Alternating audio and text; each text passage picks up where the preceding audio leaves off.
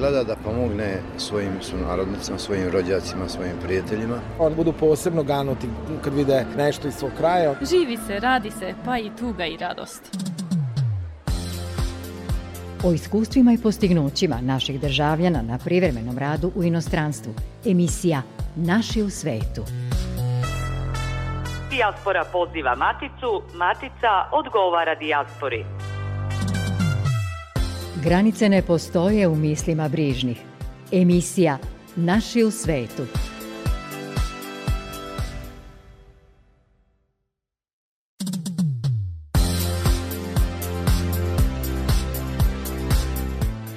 Dobro vam ovo februarsko veče. Sa vama smo u narednih pola sata sa sledećim pričama. Protekla nedelja širom naše zajednice u rasejanju obeležavao se Sveti Sava, koji je ujedno i nacionalni praznik Srba u Severnoj Makedoniji. Čućete i kako živi naša zajednica u Švajcarskoj i u Holandiji. Dobrodošlicu u emisiju Naši u svetu želim vam za tonskim pultom Slavica Filipović i pred mikrofonom Goran Pavlović. Ministarstvo spoljnih poslova, Uprava za saradnju sa dijasporom i Srbima u regionu raspisala je dva konkursa za sufinansiranje projekata koji svojim kvalitetom doprinose očuvanju i jačanju veza matične države i dijaspore, kao i matične države i Srba u regionu.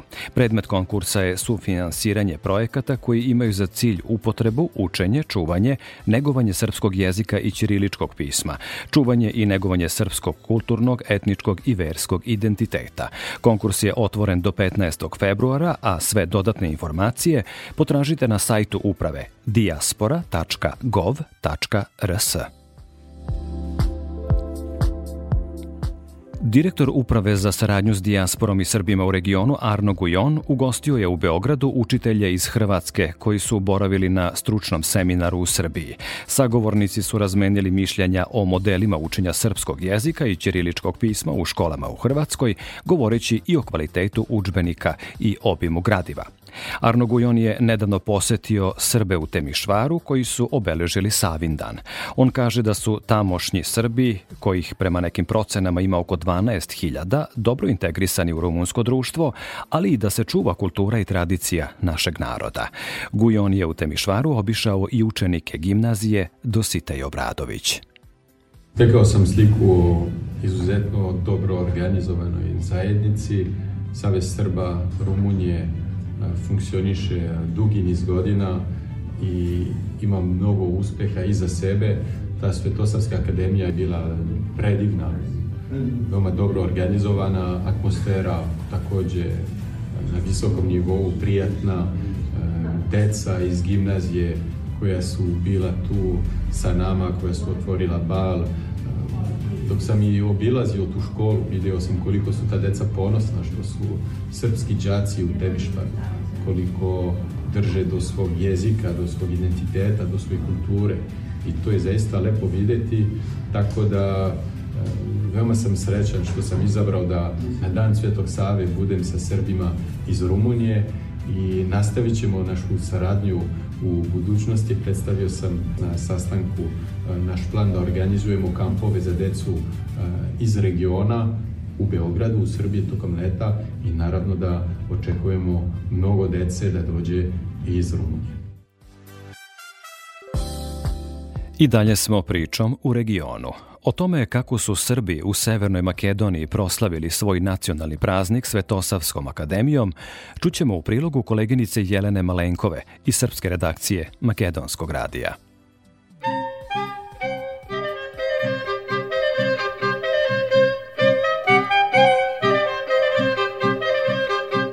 26. januara u Zanatskom domu u Kumanovu organizovana je prva Svetosavska akademija u okviru Svetosavskih dana 2023. godine, koji su se i ove godine organizovali pod pokroviteljstvom vlade Republike Srbije, predsjednika Srbije Aleksandra Vučića, vlade Republike Makedonije, a u organizaciji Srpskog kulturnog centra iz Skoplja. U prepunoj sali Novog makedonskog pozorišta u Skoplju u prisustvu srpskih asocijacija, uveženih gostiju i visokih zvaničnika vlada iz Republike Srbije, Makedonije i Republike Srpske.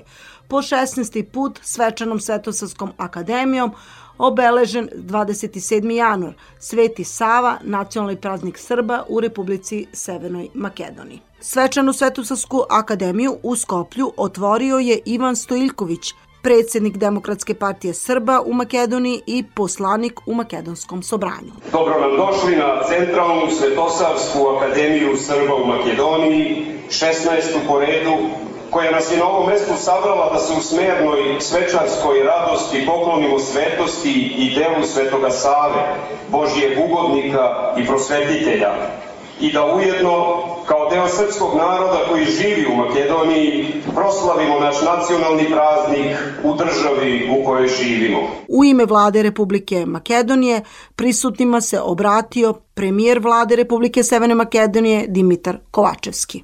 Obeležувањето на Свети Сава, националниот ден на српската заедница, за нас и за нашата држава значи негување на сите вредности по кои духовниот и интелектуалниот творец на идејата за српската државност и државотворност ќе остане запаметен во историјата на народите na ove prostore. U ime vlade Srbije i predsjednika Aleksandra Vučića prisutne je pozdravio i obratio se podpredsjednik vlade Srbije i ministar odbrane Srbije Miloš Vučević. Sveti Sava ne pripada samo Srbima, on pripada svim ljudima dobre volje. Njegovo delo je nadvremensko, ono nas i danas inspiriše. Ono je tačka oslonca, Svetosavlje je tačka oslonca za ceo srpski narod, jer nam je pokazao put vere i dobra, na čemu treba da učimo, kakvi treba da budemo i kuda treba da idemo. Predsednik Republike Srbije i celo rukovodstvo naše države vode politiku koja svoje duboko utemljenje ima upravo na Svetosavskom ili u Svetosavskom zavetu. Srbija je nedvosmisleno i snažno počula posvećena očuvanju politike mira, očuvanju slobodarskog duha, Republika Srbija pridaje izuzetan značaj unapređenju bilateralnih odnosa s Republikom Severnom Makedonijom.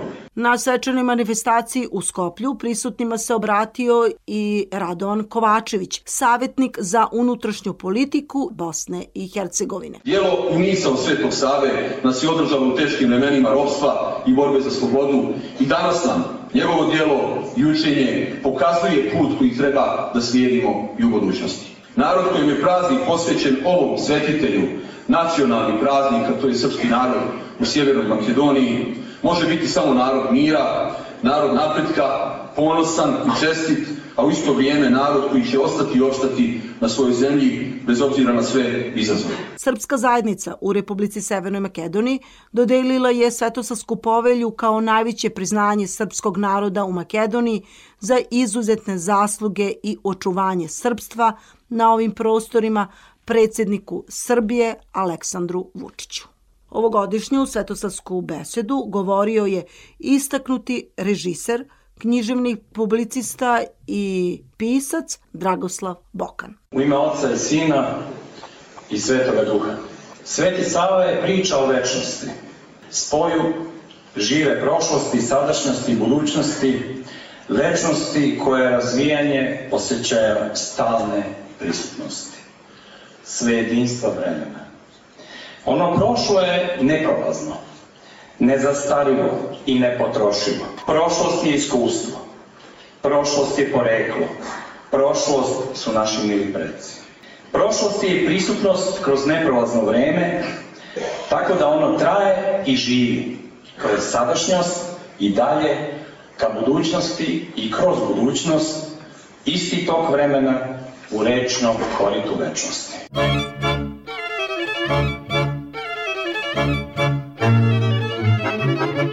U kulturno-umetničkom programu na Svetosavskoj akademiji u Skoplju učestvovali su poznati umetnici iz Srbije i Makedonije. Vežu nas događaj, misli, kultura i tradicija. Emisija Naši u svetu – Nedavno održana proslava 25 godina postojanja srpskog radija Mladost iz Švajcarske okupila je na Beogradskoj skadarliji mnoge su narodnike koji su došli u Maticu na obeležavanje tog jubileja. Među gostima je bio i Zoran Jovanović, nekadašnji pravni zastupnik u Švajcarskom sindikatu mašinske industrije i član Nacionalne komisije migranata u Bernu. Zoran Jovanović dolazi nam iz švajcarskog Berna. Dobroveče, dobrodošli u Maticu. Hvala vam mnogo. E, ja u stvari dolazim iz Soloturna, ali ovaj Bern je isto moje drugo mesto, da kažem, jer Bern je stecište uh, svih, da kažem, sedište svih uh, skoro političkih organizacija, kako švajcarske, tako i naše. I ambasada naša je tamo. Koliko ste dugo u Švajcarskoj, kada ste otišli i koji je bio razlog da, da napustite zemlju porekla? Da vam kažem iskreno, ja sam u Švajcarskoj više nego u mojoj Srbiji od rođenja. Ja imam 73 godine, ovde sam 40 godina. Došao sam u, u Švajcarsku negde 81. I to je, kako da kažem, u posetu kod prijatelja. Malo, da kažem, je izgledalo avanturistički. Došao sam, popali su me neki tamo, ostani, ostani, i onda sam, čim sam ovaj, ostao, ja još nisam dobio nikakve papire, postao sam ovaj predsjednik Srpskog kulturnog saveza, tamo, kluba u stvari, kluba Srba, i ovaj, posle toga eh, bio sam tamo jedno vreme i onda sam se preselio Bern, solo turni, tamo sam, eto, 30 i nešto godina, još uvek sam politički aktivan, naši svi koji su bili u ambasadama našim u, i konzulatu u Cirihu, ali specijalno u Bernu, oni znaju moj rad i zovu me uvek, imamo dobru saradnju i šta radimo? Radimo u interesu Srbije sve što može. Došli ste i stalno održavate kontakt sa Maticom. Kada najčešće dolazite? Da vam kažem iskreno, ja dođem uvek kad me pozovu, prvo, drugo, Ovaj, ja sam i uh, član Beogradskog foruma za ravnopravnost kod Žike Jovanovića. Znači, e, moji aktiviteti su veliki, pa sam onda ovaj, dosta često bio gost u parlamentu.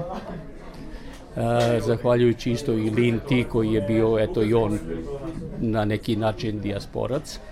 I tako da imam dosta kontakta zahvaljujući sad i tim ljudima koji su ponovo izabrani, mislim da opet imamo ovaj, ali tu sam često, dolazim, viđam se ljudima u Ministarstvu spoljnih poslova, a ujedno sam koordinator Radija Mladost i blagajnik sa Anđelkom Krašević. Radio Mladost postoji 25 godina i imamo dobru saradnju i gledamo da taj radio ne propadne, da se srpska reč čuje u eteru švajcarskom, jer naši mladi, nažalost, nemaju interesa nikakvog, a svako gleda i novac. Odakle ste rodom? Ja sam rodom iz Aleksinca i Aleksinac je jedan mali grad na jugu Srbije.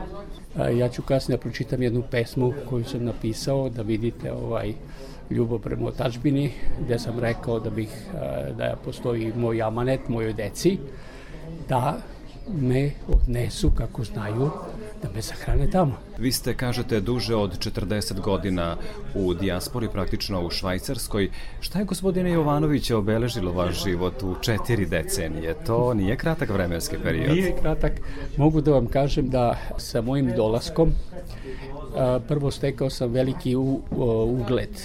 To mogu da vam tvrdim gore u Valisu u Cermatu, poznato turističko mesto. E, moja kultura, pre svega pedantnost, tako da sam ovaj vrlo brzo e, kako da vam kažem, imao sam i, i prijatelja koji je par prijatelja koji su bili u policiji, stanovali smo u istoj zgradi. Da li su to su narodnici, da li su to zemljaci, da li govorimo o ljudima našeg porekla ili su vam pomogli ne, švajcarci? Švajcarci u principu Zato što, ovaj, kako da vam kažem, to su isto bili mladi ljudi prvo, a drugo bili smo susedi. Neki od njih su radili u Beogradu, drugi su radili u Bugarskoj, ta Evelin što je bila švajcarka, ona je u, bila u Rusiji, u, u ambazadi i onda je ostala tamo, udala se. Znači, lični kontakt koji je postojao među nama i poverenje, ali vi znate da prve te generacije koje su otišle, mahom su otišle sa sela ili negde, ljudi koji su radili, koji su se mučili tamo. Čime se danas bavite u Švajcarskoj? Da vam kažem, ja sam bio, uh, radio sam sve i svašta koji naši ljudi kad sam došao, pa sam vozio i taksi elektro, pa sam onda radio u fabrici, pa sam završio kao programer na onim CNC mašinama, pa sam isto, ovaj, u isto vreme bio član sindikata mašinske industrije, pa sam kod njih završio razne kurseve, specijalizovao sam radno pravo, zakon za strance i socijalno osiguranje švajcarske. To znači da ste se vi zaista dobro integrisali u švajcarsko društvo, pa, iako ste da zadržali kažem, kontakt sa korenima. Mogu da kažem, bez obzira, ja sam zadržao kor, moje korene i sve, i ja sam, što se kaže, držao kad smo se borili za Srbiju u Ženevi pred Palatom Ujedinjenih nacija, sam držao govor u, u Cirihu, gde su čak i naši ljudi od nekih naših sunarodnika, da kažem, dobijali i noževe u leđa. Bila su teška vremena. Granice ne postoje u mislima brižnih. Emisija Naši u svetu. Sa nama je Zoran Jovanović, sunarodnik iz Švajcarske. Kažemo gospodine Jovanoviću da ste u Švajcarsku otišli pre 41 godinu. Koliko sam razumeo iz vaše priče, otišli ste nekako više manje na odmor, da vidite kakva je to sredina i tako dalje. Šta je vas zadržalo u toj zemlji? Eto, da bez malo, kažem, to je peta decenija praktično. Da vam kažem, ovaj, prvo, ja sam hteo da se vratim, bilo mi je obećano jedno radno mesto, otišao sam u posetu jednom mom prijatelju, I desio se tako da je, njihov, da kažem, šef, gazda, vlasnik, pitao, kaže, što ne pitate ovog Francuza? Jesam ja Mislili su na vas? Govorio, da. Pitajte ovog Francuza, hoće da dođe da vozi, to su oni elektrotaksiji. I onda sam ja, ovaj, kažem, pa dobro, vidjet ću. I onda ja primim jedan uh, vlasnik jedne trgovinske radnje, gde se prodavali tepisi, garnišle i sve to tako. I ja ostanem kod njega, on mi napravi vizuali, sam bio sezonac. E, verujem da je tada lakše bilo dobiti papire nego što je to danas slučaj. Ne. Posebno kantoni ti gore gde je samo sezonski se ovaj uh, radi, 9 meseci, hoteli, turistička mesta, nemaju oni industriju. Međutim, kod mene baš zahvaljujući tim mojim mladim prijateljima, da kažem, koji su radili ovaj, mojim susedima. Ja sam ovaj, dobio savet od njih eh, kako šta i moj taj eh, gazda je popunio te papire, mada iskreno rečeno nije mu bilo prijatno. Jer oni znaju kad dobiješ eh, B vizu da ćeš da odeš. Znači, to sam i ja uradio. Posle 90 godina ja sam došao u nizinu, što se kaže, onu, negde je sneg večiti. Tako da, ovaj, a, a, imam ovaj kako da kažem i, i veliku istoriju iza mene. Pa sam nekad sam pisao u svoje vreme.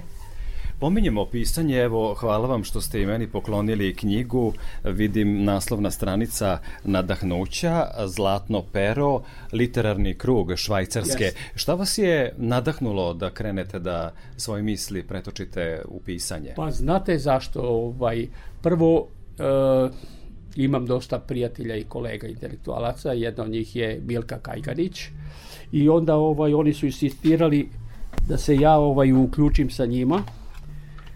To je drugo već izdanje u kojem ja pišem, ali evo samo ću da vam dam knjigu, pošto sam dao već, ovaj, da pročitate zadnju moju pesmu koja se zove Majko Srbio i gde kaže zadnji stihovi Srbijo zemljo moja, hteo sam uvijek da ti se vratim, ali.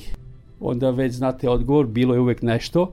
Bilo je uvek jedno ali, ali se nadam da će moje kosti počivati u tebi, da će moja deca poštovati moj amanet i bar zbog toga dolaziti kod meni tebe, da će biti i ostati Srbi, da će znati da pripadaju jednom malom, ali herojskom narodu. Inače, sa godinama, e, radeći kao pravni savjetnik u sindikatu mašinske industrije prvo, I u Švajcarskoj? U Švajcarskoj, da.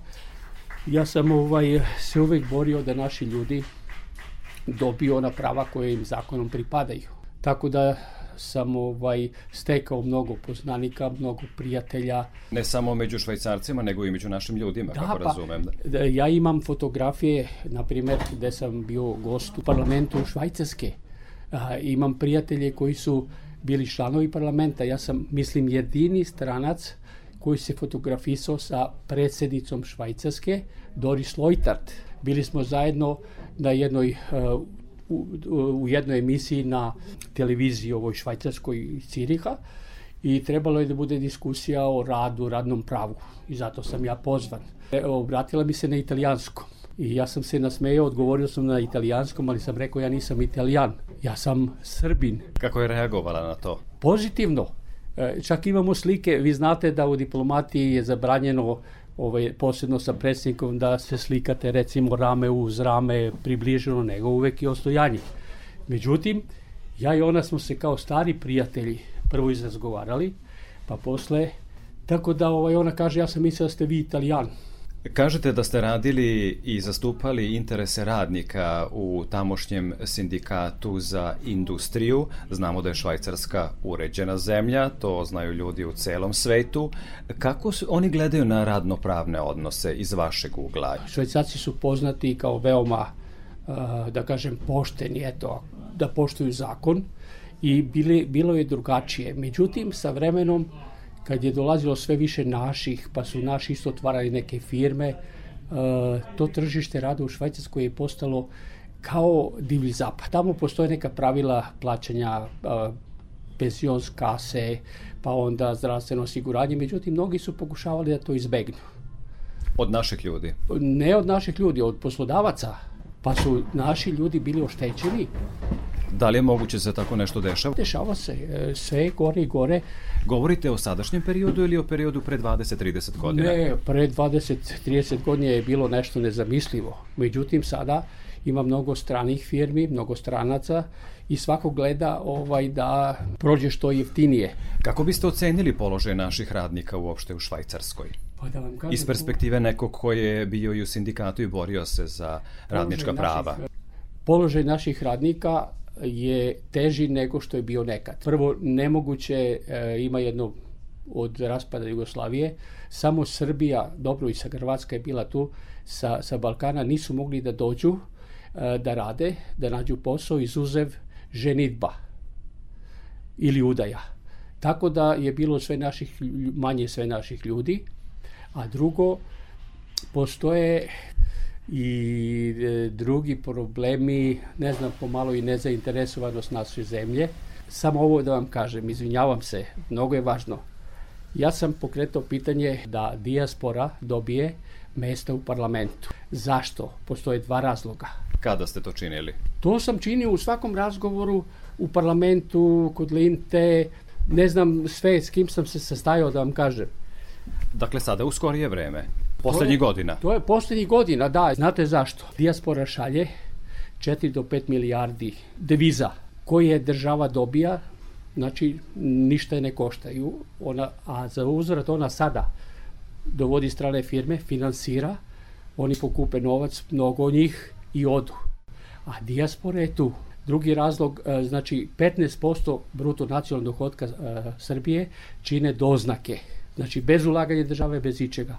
Osnovni razlog je zašto mi tražimo kao dijaspora, kaže mi, da imamo mesto u parlamentu, jer mi nemamo pravo u parlamentu, nemamo čak više ni kancelariju za dijasporu. A najgore što je, ima puno naših mladih ljudi koji su visoko obrazovani. Znači, već se vraćaju, ali treba pokrenuti jednu akciju, doći, posetiti i govoriti sa njima. Eto, to je moja poruka da nas Srbija ne zaboravi, već nas je skoro zaboravila, ali ne, treba ćemo joj još i mi i stari i mladi, jer mi smo stajali na braniku otačbine naše Srbije. Verujem dok je medija i emisija poput naše na Radio Novom Sadu, koje promovišu uspehe i postignuće naše dijaspore, da se na vas širom sveta neće zaboraviti. E, gospodine Jovanoviću, hvala vam što ste izdvojili svoje dragoceno vreme ovde u Beogradu da razgovarate sa nama i pozdravite nam puno sunarodnike u Švajcarskoj. Drago nam je da čujemo da Hvala su lepo. dobro. Vi pozdravite Novi Sad. Ja sam bio gost u Skupštini grada Novog Sada. Uh, veoma sam zadovoljan dostignućima, moram da kažem. Uh, Novi Sad, kako se izgrađuje i kako se radi. Celoj ovoj zemlji Mnogo pozdrava vama, vašoj redakciji i Srbiji našoj. Hvala, sa nama je bio Zoran Jovanović, sudnarodnik iz Švajcarske, nekadašnji pravni savjetnik u sindikatu mašinske industrije u Švajcarskoj i član nacionalne komisije migranata u Bernu. Putanja koja povezuje postoji, treba je samo utabati. Emisija Naši u svetu. U Holandiju sve češće odlaze mladi i obrazovani ljudi iz Srbije na školovanje. Da li po završetku obrazovanja i ostaju u toj zemlji Lala ili kakva je ukupna situacija sa našima u toj zemlji sa Vladimirom Koturovićem, samostalnim savjetnikom u Upravi za saradnju s dijasporom i Srbima u regionu, razgovarala je Ružica Zorkić-Radičević, urednica emisije Večeras zajedno Radio Beograda 1, koja na tim talasima počinje u 21 čas. Neke procene govore da u Holandiji ima između 10 i 20 hiljada naših ljudi i da su uglavnom u nekoliko većih gradova okupljeni u nekoliko centara. E, sa kojim centrima je Ministarstvo spoljnih poslova, odnosno Uprava za dijasporu, do sada ostvarila kontakte i postoje li mogućnosti da se ta mreža proširi? Što se tiče same brojke, odnosno procena brojnosti naše dijaspore u Kraljevini Holandiji, ti brojevi stvarno idu u tom opsegu negde između 10 i 20, 15 i 20 hiljada. E, međutim, kada posmatramo te brojke, ne možemo a da ne pomenemo samu segmentiranost te dijaspore, odnosno te takozvane generacije naše dijaspore, kako u Holandiji, tako i u drugim državama gde, gde, gde su se otelili naši državljani. E, tako e, o nekoj prvoj generaciji doseljenika, srpskih doseljenika u, u Kraljevini Holandiji vezujemo za te 70. godine kada su naši građani, odnosno tada građani Jugoslavije, organizovano dolazili da rade na određenim poslovima. Takođe, ta generacija prva koja je koja je prva iseljenička generacija u Kraljevini Holandiji je u principu i bila najbolje organizovana u takozvanim u, u, u, takozvanim klubovima. Kraljevina Holandija je dugo imala i E, čitav sistem donacija za te klubove da bi oni mogli da e, sačuvaju svoj nacionalni, nacionalni identitet i, i samim tim se bolje inkorporiraju u holandsko društvo. Takođe, e, druga, treća generacija, odnosno njihova deca su već generacije koje su se koje su pomalo podlegle asimilaciji i vrlo često treća generacija gotovo i da nije govorila srpskim jezikom. Takođe, tokom 90. godina e, imali smo i talas izbjeglica iz, iz bivše Jugoslavije i e, veliki broj njih je uspeo da reguliše svoj boravak e, i do, dobije čak i holandsko državljanstvo. Što se tiče samih udruženja, e, Uprava za saradnju s dijasporom i Srbima u regionu sa udruženjima e, iz dijaspore generalno najčešće, naj, na najkvalitetniji način stupa preko konkursa za sufinansiranje projekata, E, koji upravo organizuje svake godine gde sufinansiramo aktivnosti naših udruženja iz dijaspore, pa tako i iz Holandije. E, udruženja koja možemo da pomenemo u Kraljevini Holandiji jeste Srpsko omladinsko društvo iz Rotterdama, takođe imamo naše parohije Srpske pravoslavne crkve koje okupljaju naše građane, odnosno naše državljane. Takođe u E, prema podacima ambasade, a takođe prema podacima koje, koje uh, raspolaže uprava za saradnju s dijasporom, uh, na teritoriji Kraljevine Holandije je registrovano devet udruženja, ali ovaj o, samo, o, o samim aktivnostima tih udruženja ne možemo da govorimo svake godine, od, tako da od svih tih udruženja nisu sva u svakom trenutku aktivna. Tako da oni koji se gotovo redovno javljaju na, na konkurse uprave za saradnju s dijasporom jesu oni u koji, o čijim aktivnostima mi imamo najviše ovaj najviše podataka. I upravo ovaj događaj koji će e, koji će se desiti u subotu e, odnosno sutra jeste e, proizvod jednog projekta koji je sufinansirala Uprava za saradnju s dijasporom i Srbima u regionu, a to je projekat zamene krstova na Srpskom memorialu u Garderenu iz 2021. godine, e, tako da sam Svetosavski bal ima e, dobrotvorni karakter, e, gde, se, gde se samim balom prikuplja novac za e, ovaj memorijal krstovana, e, odnosno srpski voj, e, vojni memorijal u, u, u Garderenu, tako da Uprava za saradnju s dijasporom kroz svoje projekte pokušava da e, ne samo da očuva srpski identitet izvan granica Republike Srbije, nego i da očuva znamenje srpske istorije i tradicije kako u matici, tako i izvan granica Republike Srbije. Još ćemo govoriti u našoj emisiji o obeležavanju ovog memorijala u narednim danima, ali imam još jedno pitanje za vas. Poslednjih godina visoko obrazovani češće dolaze u Holandiju i to svakako utiče na strukturu naših ljudi u ovoj zemlji. Da li dolaze na školovanje, dolaze da ostaju i da li se više uključuju u aktivnosti naše zajednice? Kada sam govorio na početku, upravo ta, ta prva generacija e, ta prva generacija koja je koja se faktički naselila e, iz sa teritorije Jugoslavije i e, došla u, principu na rad u Kraljevinu e, Holandiju, oni su bili naj, najorganizovaniji u tom smislu.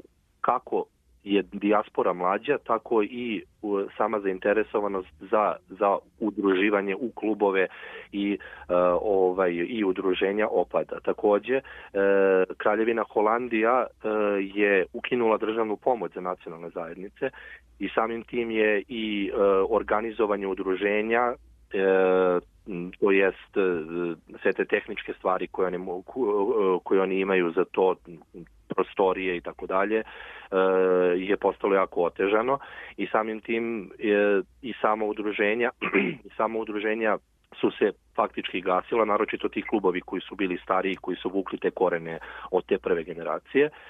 A ovo što ste rekli da, da, da, ovaj, da dolaze ili na školovanje ili na stručno usavršavanje ili na rad, e, imamo sve tri kategorije među, među našom dijasporom, tako da e, u principu e, što se tiče te neke mlađe populacije, odnosno, odnosno studentske populacije, oni su vrlo često organizovani u, u određenim e, kokus grupama na samom fakultetu. Veliku ulogu u tome ima organizacija srpskih studenta u inostranstvu, koja gotovo koja ima, koja ima svoje ispostave u, u gotovo svakom univerzitetskom centru i okuplja naše studente, a takođe tu su istaknuti pojedinci sigurno na, na svakom univerzitetu, institutu, e, gde, gde god su naši ljudi uspeli da, da pronađu svoje mesto kako u, u akademskoj, tako i u svojoj profesionalnoj karijeri. Hvala vam što ste govorili za Radio Beograd 1. Zahvaljujemo kolegama iz sestrinske emisije Večeras zajedno Radio Beograda 1 na ustupljenom prilogu. Da podsjetim, sa nama su večeras bile i kolege iz srpske redakcije Makedonskog radija sa svojom pričom o našoj zajednici u toj zemlji. Budimo zajedno i narednog petka od 19.5 za kada pripremamo nove informacije o vezi matice i rasejanja u emisiji Naši u svetu Radio Novog Sada. Hvala vam na pažnji.